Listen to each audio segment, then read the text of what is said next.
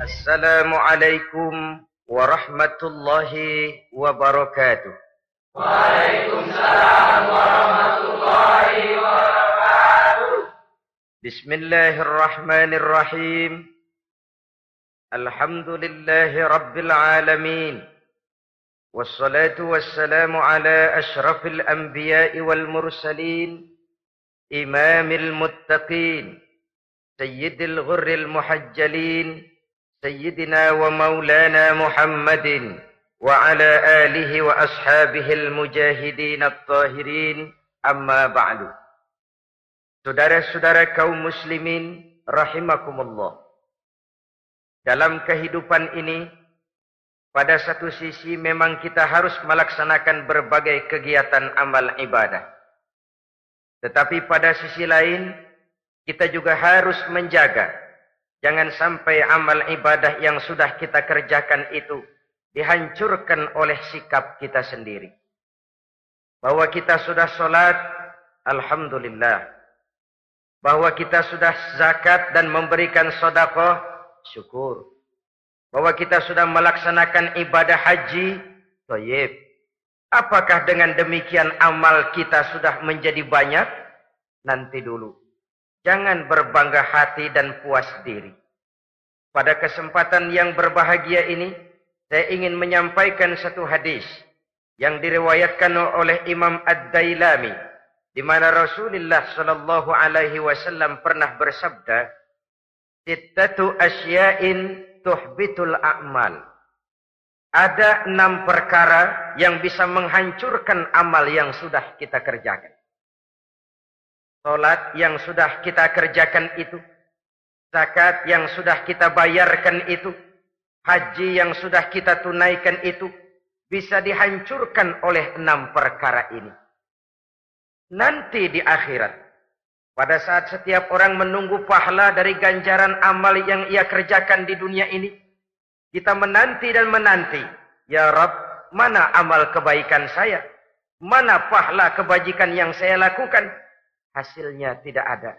Amal yang kita kerjakan dihancurkan oleh sifat-sifat yang akan kita kemukakan pada pertemuan kali ini. Yang pertama yang bisa menghancurkan amal adalah al-istighalu bi'uyubil khalqi. Orang yang terlalu sibuk mencari-cari aib dan kekurangan pada diri orang lain. Habis waktunya hanya untuk mengorek-ngorek celah orang Sementara ia lupa pada aib dan celak dirinya sendiri. Sifat seperti ini menghancurkan amal yang sudah kita kerjakan. Sedangkan baginda Nabi mengajarkan, Tuba liman syaghalahu aibuhu an uyubin nas. Beruntunglah orang yang kekurangan pada dirinya menyebabkan dia sibuk sampai ia tidak sempat mencari-cari aib dan kekurangan pada diri orang lain. Saudara-saudara kaum muslimin rahimakumullah. Sibuk mencari aib orang tentu bukan dengan tujuan positif. Latar belakangnya kadang-kadang karena jealous, karena hasut, kecemburuan sosial. Sore, pagi, siang, malam kita korek-korek kesalahan orang. Dengan target hancur martabatnya, jatuh kehormatan dirinya, hilang nama baiknya dilupakan dan terisolir dari tengah-tengah masyarakat. Perbuatan yang demikian sungguh terlalu amat sangat kejam. Salat kita, puasa kita, haji kita bisa dihancurkan jikalau kita terlalu sibuk mencari-cari aib orang lain. Muslim dengan muslim itu bersaudara. Kalau kita menganggap muslim yang lain adalah saudara kita, maka aibnya adalah aib kita kekurangannya juga adalah kekurangan kita. Pada saat kita melihat pada dirinya terdapat kekurangan, tugas kitalah menutupi. Ini yang dijamin oleh Nabi, man satara musliman satarahullahu fid dunya wal akhirah. Siapa yang menutupi aib dan celak orang-orang beriman, Allah akan menutupi aib dan celaknya di hari akhirat nanti. Zaman sekarang, zaman gosip, zaman sekarang zaman isu. Sehingga hal yang satu meter pun dapat jadi lima meter. Yang 5 meter dapat saja menjadi 10 meter. Kita sibuk membumbui hal-hal yang kita tidak tahu duduk perkara yang sebenarnya. Bahkan lebih celaka, kadang-kadang kita malah sok tahu. Memberikan fonis dari sudut pandang kita sendiri. Adalah tidak bijaksana jika kita mengukur baju orang lain dengan badan sendiri. Baju orang lain kita ukur pakai badan kita. Tentu saja enggak pas. Begitulah terlalu sibuk mencari-cari aib orang lain, menghancurkan amal ibadah yang sudah kita kerjakan. Na'udzubillah, summa na'udzubillah.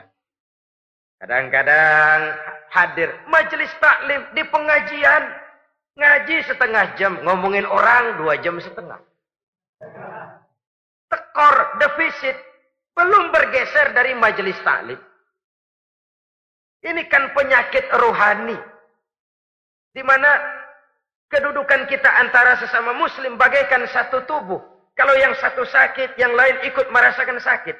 Yang satu terhina, yang lain ikut merasakan terhina. Jadi pada saat kita melihat aib orang lain, kita ceritakan di mana-mana, kita bongkar di mana-mana, tentu satu hal yang jelas, kita tidak senang kepada orang itu. Kita tidak senang kepada orang itu. Dan kalau sudah tidak senang, maka fungsi persaudaraan bisa berubah menjadi permusuhan. Oleh sebab itu, kalau ada dua orang berselisih, boleh kita bohong untuk mendamaikan dua orang tadi. Misalnya si A sama si B berantem nih, jengkel, marah-marahan. Saudara datang ke rumah si A. A, saya dengar kamu lagi marahan sama B. Iya itu si B, kurang ajar. Bangsat, buajingan, tengik. Pokoknya kalau ketemu, awas. Ah, saya kira sih nggak begitu. Ah, tadi saya ketemu B, dia bilang malah kangen sama sampean. Dia pengen ketemu. Ingat masa lalu zaman sebantal berdua, sepuntung apa sebatang rokok berdua. Dia kangen pengen ketemu. Padahal si B nggak ngomong apa-apa sama saya. Saya olah sedemikian rupa sampai si A tenang. A tenang, saya datang ke rumah B. B, Katanya kamu lagi marahan sama si A. Iya tuh A, kunyuk monyet. Udahlah, pokoknya kalau ketemu dia saya hantam habis. Ah, barusan saya ketemu si A, dia bilang pengen ketemu ente. Pengen ngobrol kayak dulu mengembalikan keharmonisan yang hilang, mengembalikan kehangatan persaudaraan yang lenyap. Si A tenang, si B adem. Kenapa? Karena bohong saya. Ke sana saya ademin, ke sini saya ademin. Jenis bohong seperti ini berpahala. Kenapa? Tujuannya mendamaikan orang yang sedang berselisih. Tapi kan orang bermental seperti ini jarang. Yang banyak kan tukang kompor sekarang. Toro angetin sini, angetin murub deh. Datang sama A, A, lu marahan sama B. Iya, gue kesel banget sama B. Emang, wow. Di emang-emangin. Oh udah dah, pokoknya gue mah kalau jadi lo takut sama si B, gue buka celana, gue pakai rok deh. Si A panas, A panas datang ke rumah B, komporin lagi. Dua-duanya panas, koslet, terjadi perkelahian, biang iblisnya tukang kompornya. Sampai untuk mendamaikan dua orang yang berselisih, diizinkan berdusta. Kenapa? Prinsip Islam itu Islam. Mencari jalan damai bukan mengeruhkan suasana. Inilah realitas di tengah-tengah masyarakat. Enakan ngomporin daripada nyiramin. Enakan manasin daripada mendamaikan dua orang yang sedang berselisih. Apalagi kalau kita punya kepentingan. Main nimbrung aja kayak toge. Kagak ngerti urusan. Nyampur aja nyampur. Toge kan begitu. Toge ada laksa nimbrung. Ada gado-gado ngikut. Ada kredok masuk. Kagak ngerti juntrungan masalah main nyampur aja nyampur. Ini kan tidak objektif namanya. Nah, mental seperti ini, wah, sholatnya khusyuk, zakat bayar, sedekah iya, tapi kalau suka cari-cari aib orang, jembreng kesalahan orang di mana-mana, sholatnya, puasanya, hajinya bisa dihancurkan oleh mental yang seperti ini. Jangan bangga-bangga, sholat saya sudah banyak, puasa saya hebat, mantap, haji saya tiap tahun mondar-mandir ke Mekah. Tapi kalau mental seperti ini masih ada, waspadalah. Amal yang kita kerjakan bisa hancur oleh mental, sikap mental kita sendiri. Ini yang pertama. Yang bisa menghancurkan amal terlalu sibuk mencari-cari aib orang lain. Satu. Yang kedua, saudara-saudara, wa qaswatul qalbi. Orang yang hatinya keras. Tidak mempan diberikan nasihat. Baik nasihat yang datang dari luar dirinya ataupun nasihat yang datang dari dalam dirinya. Hatinya keras. Dikasih muka, muka tembok, kulit-kulit badak, kuping-kuping kebo.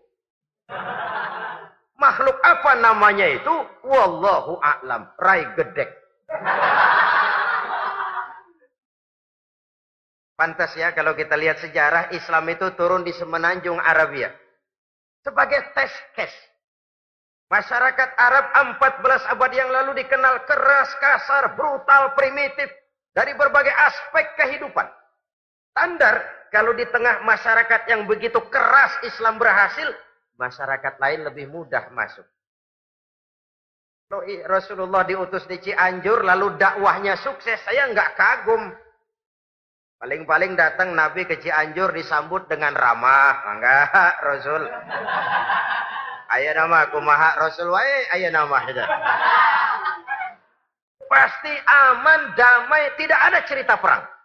Tapi Masya Allah, turun di tengah satu struktur sosial yang keras, kasar, primitif. Menghadapi orang yang hatinya keras seperti ini, apa prinsip kebijaksanaan yang dilaksanakan oleh Rasul dalam menerapkan syariat Islam? Pertama, at-tadrij fit tashri. Dalam melaksanakan syariat, prosesnya melalui tahapan. Contoh, jahiliyah dulu itu paling senang sama mabuk.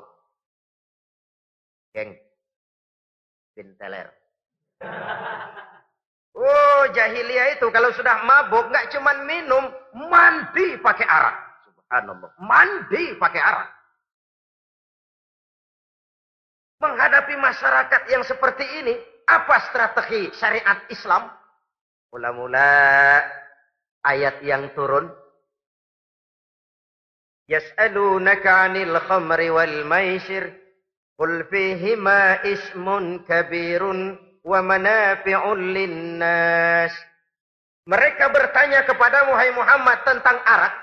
Katakan, arak itu ada manfaatnya, tapi juga ada bahayanya.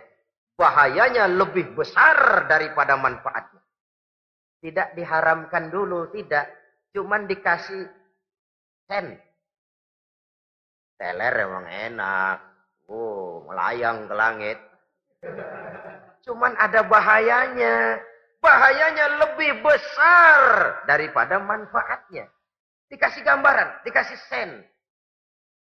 Tidak diharamkan mutlak dulu, tidak. Bertahap dikit dulu. Nih, nih, nih, nih. Urusannya begini nih. Ada manfaatnya, tapi ada bahayanya. Bahayanya lebih besar daripada manfaatnya. Jak rasio berpikir. Setelah tahu bahayanya lebih besar, kan dikit-dikit mulain jauh. Mulain ngurangin, jaga jarak. Setelah ada jarak, turun peringatan kedua.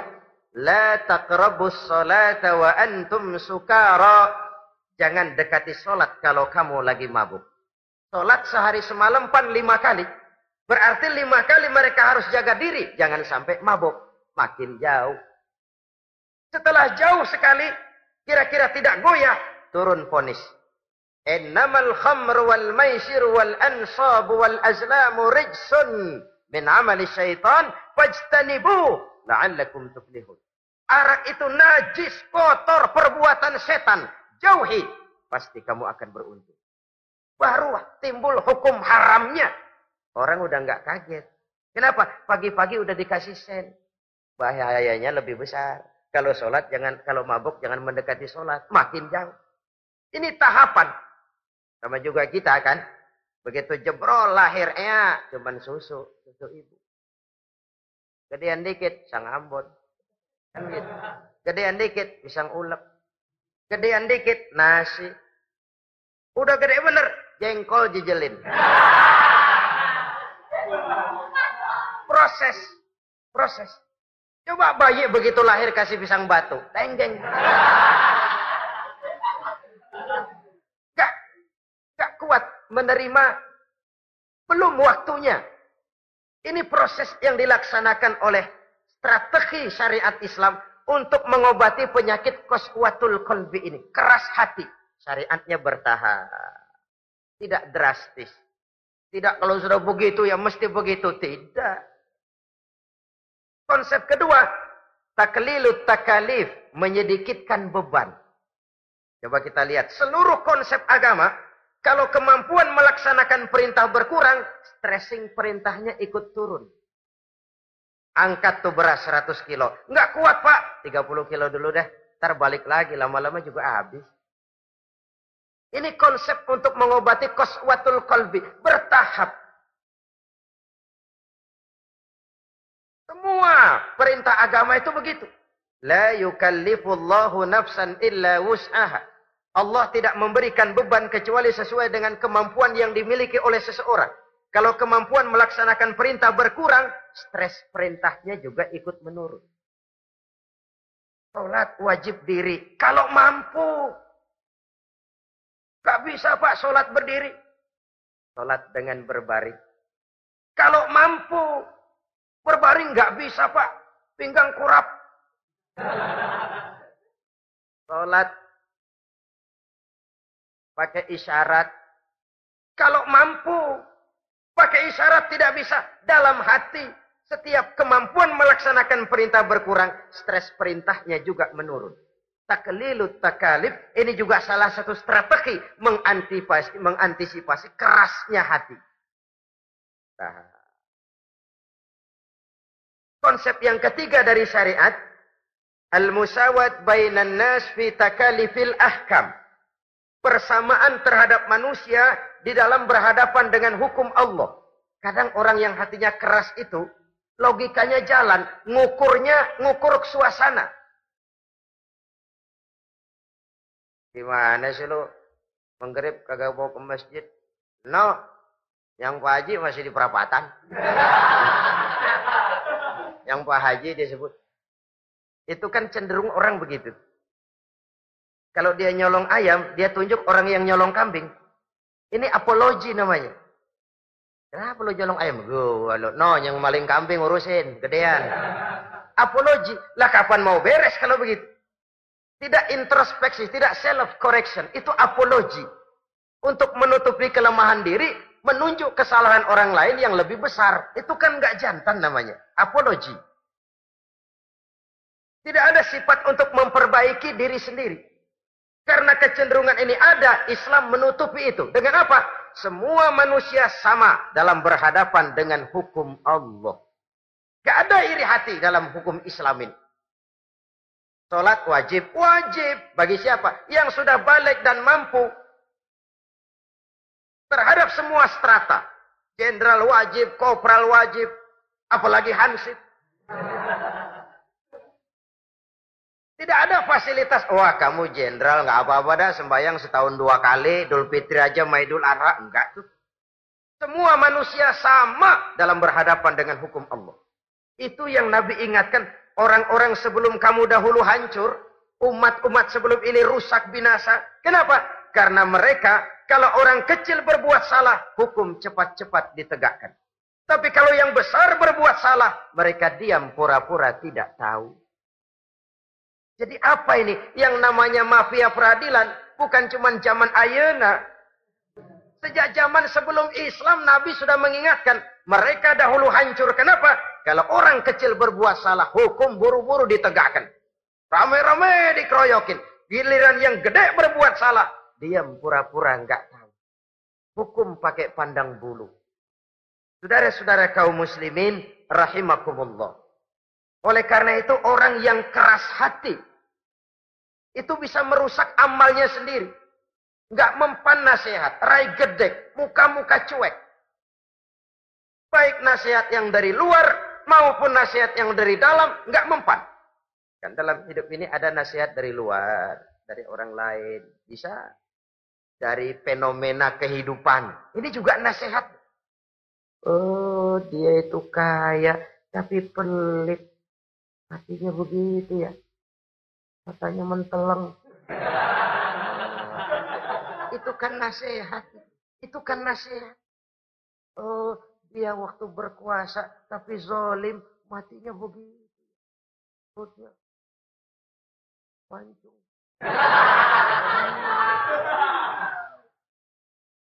Fenomena kehidupan yang kita lihat, yang kita dengar, yang kita saksikan, itu semuanya bisa nasihat. Unzuru kaifa kana akibatul mukadzibin. Lihat kehidupan ini. Dunia ini kan sebuah sekolahan besar. Semua yang kita lihat, kita saksikan, kita pelajari bisa jadi contoh buat kita. Orang yang bijak yang bisa mengambil hikmah dari mana pun datangnya. Baik dari yang baik maupun yang dari yang tidak baik. Saudara-saudara kaum muslimin, rahimakumullah. Nasihat yang datang dari luar. Dari orang atau dari fenomena kehidupan. Atau nasihat yang tumbuh dari dalam diri sendiri. Perubahan organisme tubuh. Itu kan nasihat. Ya Allah. Sekarang cantik jelita. Iya sedang sweet seventeenan. Rambutnya hitam ikal berderai. Iya, semua memuja, memuji. Oh, oh. Alisnya katanya laksana semut beriring. Dagunya bak pauh dilayang. Kalau dia senyum semua orang terpesona. Sekarang 50 tahun yang akan datang coba senyum kabur orang. Fenomena kehidupan. Apa yang tidak berakhir? Kenapa harus keras hati? Kita kata kita berkuasa, berapa hari kita punya jabatan? Kita kata kita kaya, berapa banyak harta kita? Kita kata kita alim, kita tahu. Apa yang kita tahu dari semesta jagat raya ini? Lalu apa yang tidak berakhir? Korun yang katanya kaya, mati itu. Fir'aun yang katanya gagah, mati. Napoleon Bonaparte, the Lion of Europe, singa daratan Eropa, mati. Saking mati.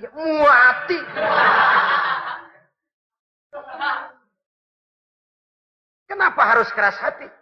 Kenapa tidak melihat perubahan fenomena alam sekitar ini? Apa yang tidak berakhir?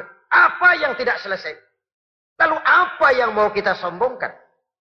Kenapa kita harus keras hati? Tiga pantas dalam hadis kursi Allah menyatakan al-kibriya ulibasi. Sombong itu pakaianku. Manusia nggak pantas pakai pakaianku, kegedean. Pakaian Allah mau dipakai. Kalau Allah sombong, udah pantas aja udah. Kenapa? Kagak ada Tuhan lain selain dia. Udah pantas dia nyombong. Kita nyombong apaan? Oleh sebab itu, beruntung orang kalau diberikan hati yang lembut, mudah menerima kebenaran, peka terhadap kesulitan orang lain, ringan tangan memberikan pertolongan buat mereka yang memang memerlukan. Dan gak semua orang dikasih begitu. Gak semua orang. Lain ya. Umar bin Khattab sikapnya keras. Tapi hatinya gampang menerima kebenaran. Nah lain loh orang kayak begini. Keras sikap boleh keras. Tapi hati mudah menerima kebenaran. Wah kalau Umar kerasnya kan luar biasa. Tapi hatinya kok gampang menerima kebenaran. Ini hidayah. Coba lihat waktu berita Rasulullah meninggal dunia. Sampaikan oleh para sahabat, Umar jengkel, cabut pedang. Siapa bilang Muhammad mati, saya tabas batang lehernya. Dia nggak siap menghadapi kenyataan. Emosinya yang jalan, bukan rasionya. Keras. Bilang deh, Muhammad meninggal. Saya tabas batang lehernya. Untung ada Sayyidina Abu Bakar. Beliau tidak bicara langsung, cuma pidato. Ayyuhan Man kana ya'budu Muhammadan fa inna Muhammadan qad mata. Wa man kana ya'budu Allah fa inna Allah hayyul la yamut. Hai manusia, siapa yang menyembah Muhammad, Muhammad sudah meninggal. Tapi siapa yang menyembah Allah, Allah maha hidup dan tidak akan pernah mati buat selama-lamanya. Sayyidina Umar tersentak. Subhanallah, saya salah. Bagaimanapun Muhammad hanya seorang manusia. Saya cinta dia, saya suka dia, nyawa saya pertaruhkan untuk dia. Tapi dia manusia dan saya tidak menyembah Muhammad. Ia sadar akan kekeliruannya, berlinang air matanya. Keras sikapnya, tapi lembut hatinya. Nah, yang kayak begini bagus. Ini udah sikap keras, hati keras, yaitu tadi. Buka tembok, kulit buadak, kuping kebo. Diapain aja udah nggak mempan aja udah.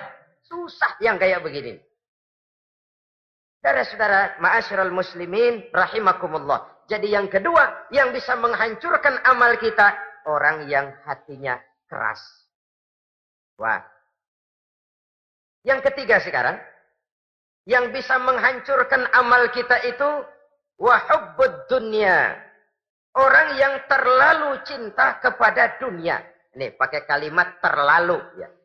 Kalau sekadar cinta kepada dunia, why not? Kita cinta anak dan istri, wajar. Kita cinta harta benda, tentu. Kita cinta sanak famili dan seluruh handai tolan, memang. Kita juga cinta kepada bangsa dan tanah air. Itu bagian dari iman. Persilahkan. Yang tidak boleh itu kalau sudah pakai kalimat terlalu. Terlalu. Sebab kalau sudah terlalu, itu sudah di luar kontrol. Orang lalu menghalalkan segala cara. Terlalu cinta kepada jabatan. Akhirnya bergeser. Sholat menghadap Allah. Dengar mau pindah jabatan ke tempat kering. Gerasak gerusuk nyari dukun. Ini kan namanya iya kanak budu wadukun nastain. Nggak bisa wong itu satu paket. Kalau iya karena butuh, wa iya karena nasta'in. Kalau hanya kepadamu ya Allah kami menyembah, hanya kepadamu kami minta tolong. Ini paket, jangan dipisah-pisah. Menyembahnya kepada Allah, minta tolongnya kepada yang lain. Sinkrit, bercampur. Iya kalau es campur enak. Tapi kalau agama dicampur dengan yang lain, nggak enak rasanya. Sama juga begini, ada gelas ya. Kalau sepenuhnya diisi bensin, itu ketahuan, bisa diminum motor. Kalau sepenuhnya diisi air putih, jelas bisa diminum orang. Tapi begitu separuh diisi bensin, di separuh diisi air putih, kacau dah. Motor minum, mogok. Orang minum, mabok. Dijual juga nggak laku. Kenapa? Sinkrit. Maka Allah pesan, wala talbisul haqqa bil batil. Jangan kau campur aduk yang hak dengan yang batil. Sekianlah jumpa kita kali ini. Insya Allah kita lanjutkan di lain kesempatan. Terima kasih atas segala perhatian. Mohon maaf atas segala kekurangan. Usikum wa nafsi bitaqwallah. Wassalamualaikum warahmatullahi wabarakatuh.